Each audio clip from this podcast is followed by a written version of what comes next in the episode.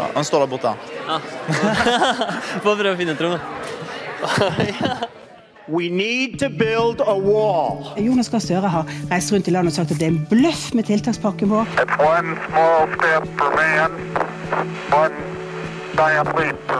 Vi har gjort ting sammen som ikke har vært så klokt.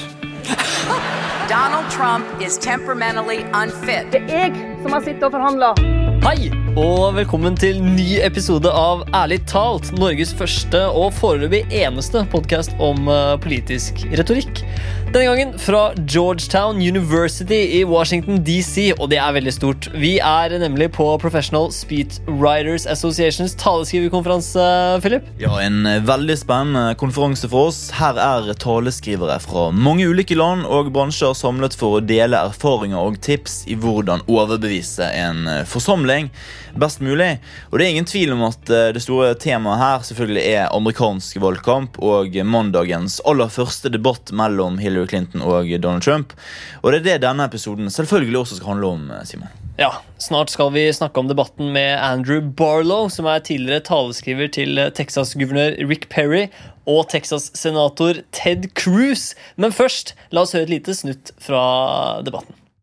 We have to do a much better job at keeping our jobs. And we have to do a much better job at giving companies incentive to build new companies or to expand because they're not doing it. And all you have to do is look at Michigan and look at Ohio and look at all of these places where so many of their of their jobs and their companies are just leaving, they're gone.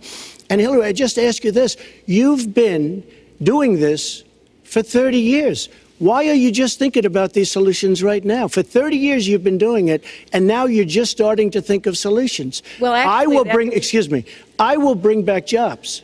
You can't bring back jobs. Well, actually, um, I have thought about this quite a bit. yeah, for 30 and years. I have, uh, well, not quite that long. Uh, Ja, Dette er tidlig i debatten. Temaet er økonomi og arbeidsplasser. Og her synes jeg at eh, Trump er god. Han er fremoverlent, engasjert, uten at det bikker over, synes jeg, og angriper Hillary for å være en del av systemet. Som ikke har fått til noe for vanlige folk eh, på årevis. Og det er en påstand som det er vanskelig for hun å si noe imot på, eh, siden hun lenge har vært en del av den politiske eliten. Og I denne debatten så bruker jo Trump eh, retoriske figurer slik han pleier. Eh, enormt med gjentagelser og også overdrivelser, såkalte hyperboler, om hvilken krise USA eh, er i. Eh, I første del av debatten, når temaet er arbeidsplasser, som vi hørte et klipp fra nå, så synes jeg han er, er, er veldig god på, på dette her. Eh, eh, og det har nok også sammenheng da med at det nettopp er eh, på dette politikkområdet, altså arbeidsplasser, økonomi, så man har en viss troverdighet eh, for amerikanere flest. Større troverdighet enn Hillary. Jeg er enig i mye av dette her, eh, Philip, men jeg tror også en av grunnene til at Trump lyktes så godt i starten, var at Hillary brukte tid på å finne formen og finne seg selv i selve debatten. I starten så flakket blikket hennes ofte ned på manus, og mange av ytringene hennes virket veldig kunstige. Eh, La oss høre på det her. The central question in this election is really what kind of country we want to be and what kind of future we'll build together. Today is my granddaughter's second birthday, so I think about this a lot. First, we have to build an economy that works for everyone, not just those at the top. At Clinton i debattens første setning velger å bruke barnebarnets toårsdag som et moment i hva slags USA velgerne vil ha i fremtiden, det virker rett og slett veldig påtatt. Gjennom valgkampen så har hun slitt med troverdigheten, og at hun svarer på den måten når spørsmålet dreier seg om jobber, det, altså det virker for meg lite naturlig og nærmest forhåndsbestemt. Ja, jeg er enig i det, og, og da synes jeg at det virker mye mer naturlig når Trump trekker inn sin ti år gamle sønn senere i debatten, da temaet, temaet er cyberkrig. Eh, og han nevner sønnen da som eksempel på unges kompetanse på nett. At det, det understreker på en måte poenget hans. Og Det samme de gjør det kanskje ikke for Hillary. Det, når hun da trekker inn barnebarnet, så det, virker det bare hun, som hun trekker det inn bare for å trekke det inn. Mm, uh, det stemmer.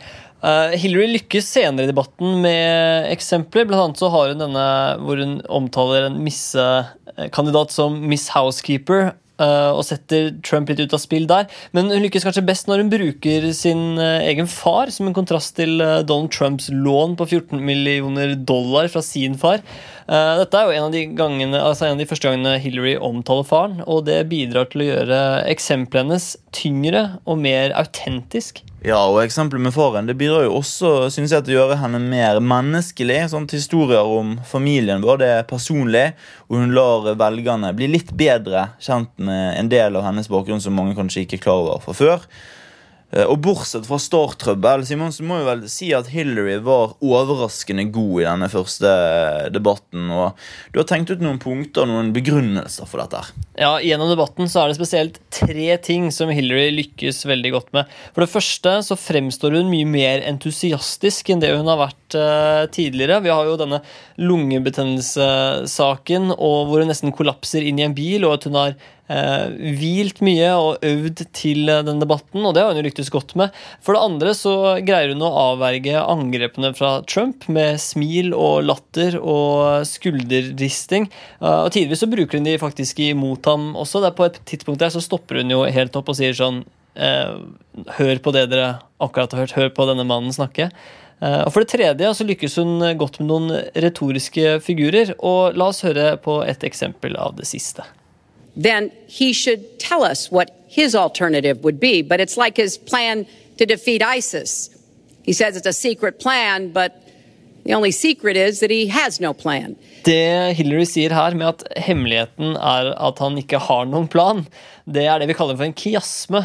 Det er en retorisk figur som snur setningen eh, opp ned og litt hulter til bulter og gjør ytringen eh, minneverdig. rett og slett. Den blir lettere å huske for tilhørerne, og ikke minst, og dette er jo et godt poeng, lett å sitere for eh, mediene. Ja, og Et annet grep som Hillary tar, eh, som eh, vår årvåkne lytter Erling har sendt oss tips på, det er at Clinton konsekvent omtaler Trump ved fornavn, Donald. Og at hun gjør det, er selvfølgelig ikke tilfeldig. Ved å omtale ham som Donald, så tar hun bort noe av denne kjønnsforskjellen. Hun blir selv som regel omtalt som bare Hillary i valgkampen. Eh, mens han ble omtalt som Trump. Og ved å bruke Donald så blir det da ikke lenger Hillary mot, mot uh, Trump. Altså jenten Hillary mot mannen Mr. Trump. Det blir Hillary mot Donald. Uh, og dessuten så er det mange som mener at Trump eh, hater å bli kalt for Donald. Det tviler jeg ikke på, faktisk. Mye mer kan eh, selvfølgelig sies om debatten, men nå må vi jo også få med gjesten vår. Og han er jo en ledende kommunikasjonsrådgiver og taleskriver for det republikanske partiet. Ja, eh, Mannen vi har med oss, det er eh, Andrew Barlow. Welcome, Mr. Barlow. It's an honor to have you in our podcast. Let's start with Monday's debate. Media and commentators are declaring Hillary as a winner. Uh, do you agree, uh, Mr. Barlow? Well, it's interesting to look at it because you know, in our country things are very divided. It's a very partisan political environment. And generally speaking, the people who favor Hillary believe that she won, and people who favor Trump uh, believe that he won. It's interesting to note that during the debate and afterwards, that uh, well-known American filmmaker Michael Moore went on at length on Twitter, uh, basically saying that Trump had clearly won uh, and that Hillary had lost because she had essentially refused to play his style of game and had instead been very reserved and very, you know, very well prepared, but had not gotten down in the mud uh, with Trump and passed up opportunities to attack his personal flaws that he felt would have carried the day. So, generally speaking, it's a very partisan issue, and the partisans both believe that their candidate won. Do, do you agree with uh, Michael Moore on, on uh, his points? I don't necessarily, um, because I honestly think that there is still a place for uh, diplomacy, and I think that the notion of being a statesman, uh, and that's a gender specific term, obviously, but just really the whole notion that leaders who represent a nation should have about them an air of dignity. Um, that comes that has authority with it, and it seems to me that in this current conversation that um, Hillary has endeavored to maintain the you know a more composed nature, and it appears that Donald Trump has made no effort in that regard. Do you think that this can change in the two final debates? That Donald Trump can be more dignified? Do you think that he could be more presidential like, or Uh, will we see the same Hillary Clinton and the same Donald Trump in the coming debates as well? If I were to predict, I think he will remain exactly the same.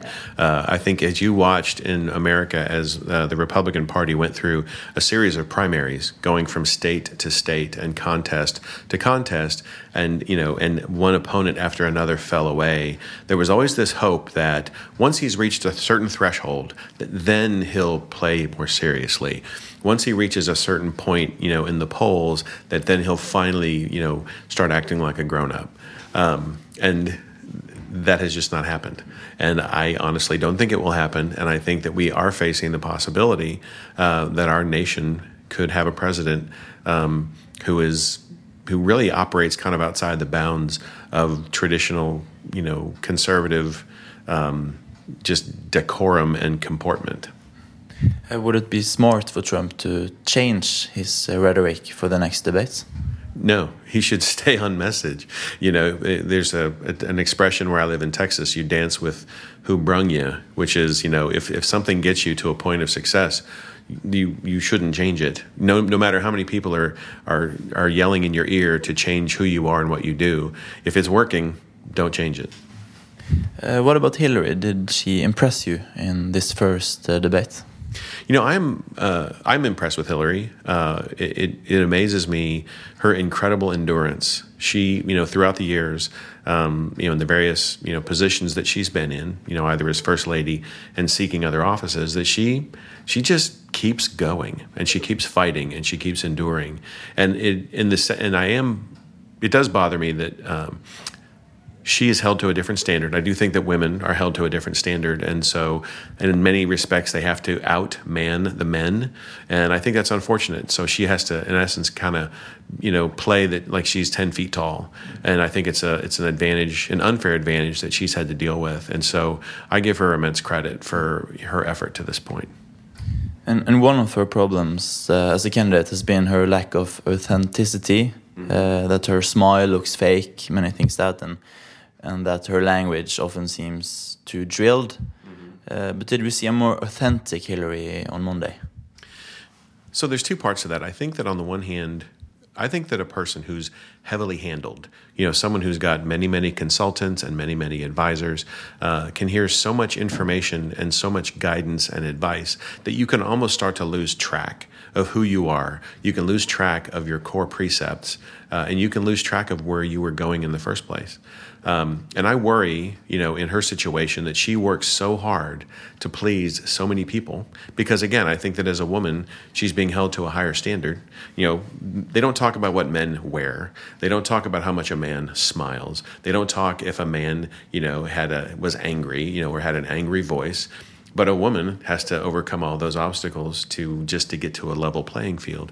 Um, so I think that you know, as far as that goes, um, I, I'm amazed that she's held it together this long.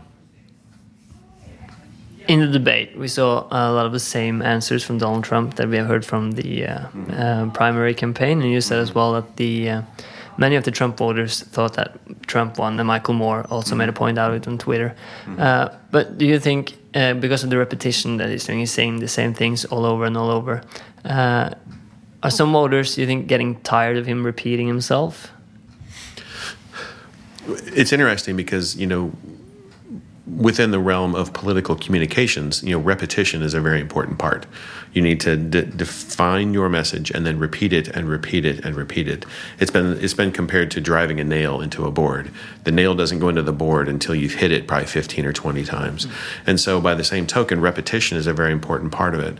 Uh, it's called staying on message. Um, and Trump doesn't necessarily stay on message uh, in a way that would make his his staff happy. But he stays on his message, and his message is: I'm going to say whatever I want, whatever comes first to mind, and I will say it loudly, and I will insult someone as I go. And that's that's his version of staying on message, and it works very well for him. But in these one-on-one debates, there, there are often two-minute answers, mm -hmm. and one of the troubles for Trump may seem to be that he's not able to elaborate on a lot of mm. issues he's bringing to the table. So, do you think that these one-on-one debates are more, you know, not working as good for him as the uh, primary debates when there were a lot of people on on the floor and quick. Yeah, yeah. Well, I think I think part of that too is you have to look at his persona, and the reason that he's appealing to so many people is because he's perceived as something different than the uh, politicians to which uh, they have become accustomed. And your typical politician is seen as being something of a know-it-all, uh, even having a superior air about them that's almost condescending to the electorate. And so, you know, you think they use the word wonk. You know, that Bill Clinton you know, if you would ask Bill Clinton what time is it, he would tell you how to make a watch because he really understood the detail.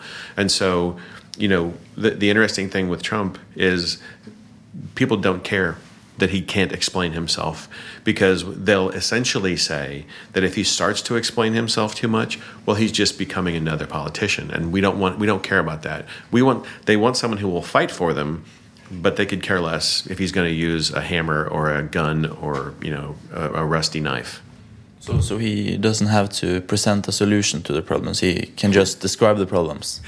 Exactly, which is absolutely uh, confusing to anybody who's in the political arena of endeavor, because the whole idea, you know, is to is to govern, and to govern takes. Uh, it basically takes a vision, it takes a plan, it takes consensus building, it takes all these different things to move an organism, you know, of a, of a country or a, or a state or, or even a large company, and that takes forethought and it takes detail and, and all these things, all, none of which he brings to the table.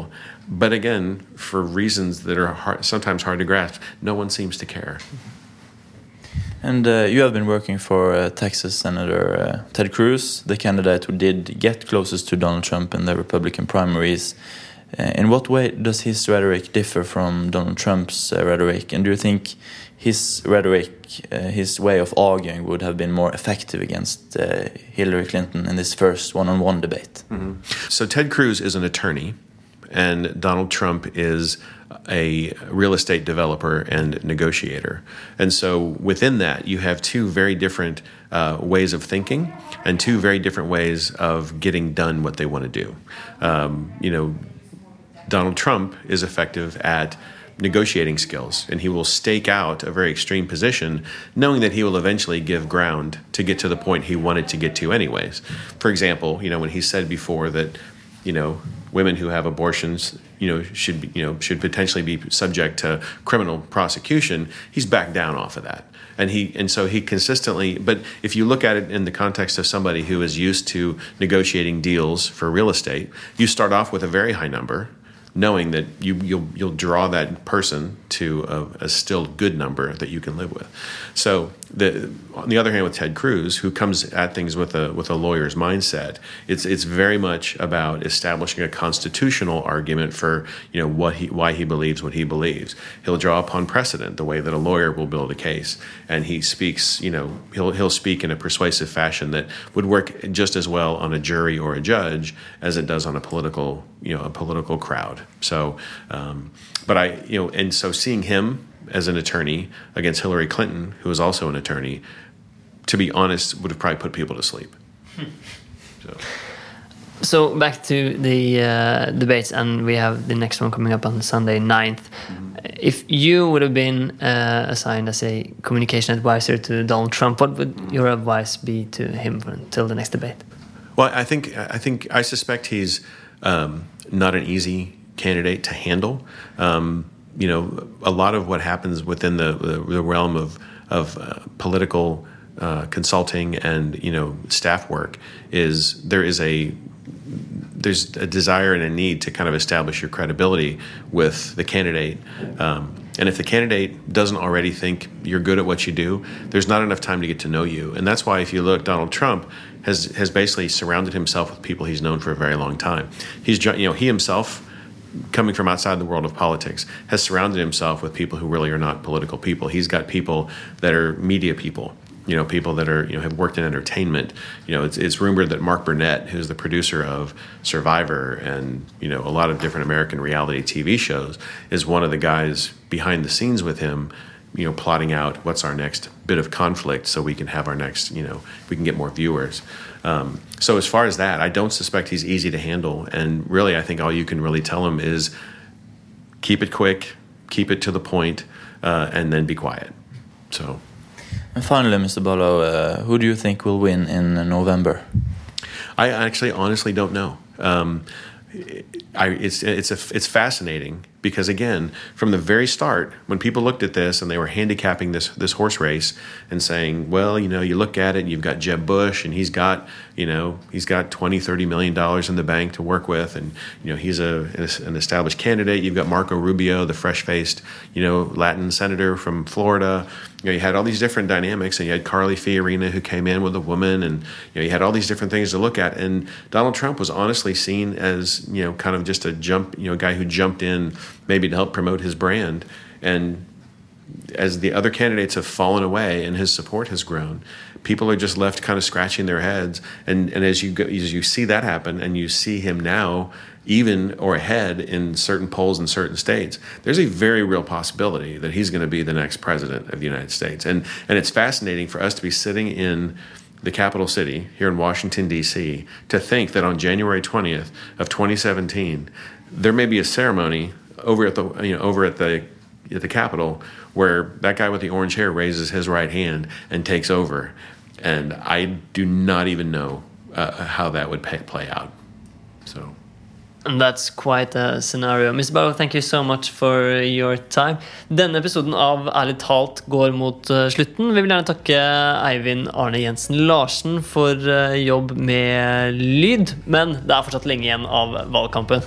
Ja, og det kommer også flere debatter. Eh, også i eh, neste episode så skal vi diskutere Hillary Clinton og Donald Trump med en amerikansk eh, taleskriver, nemlig stjerneskuddet Lindsay Hayes, som har skrevet flere valgkamptaler Simon, til både 2008-visepresidentkandidat Sarah Palin og også presidentkandidat for 2012 Mitt Romney det kommer til å bli veldig stort. Dette er på mange måter den republikanske versjonen av eh, John Favreau, som vi alle kjenner så godt til, og vi gleder oss veldig.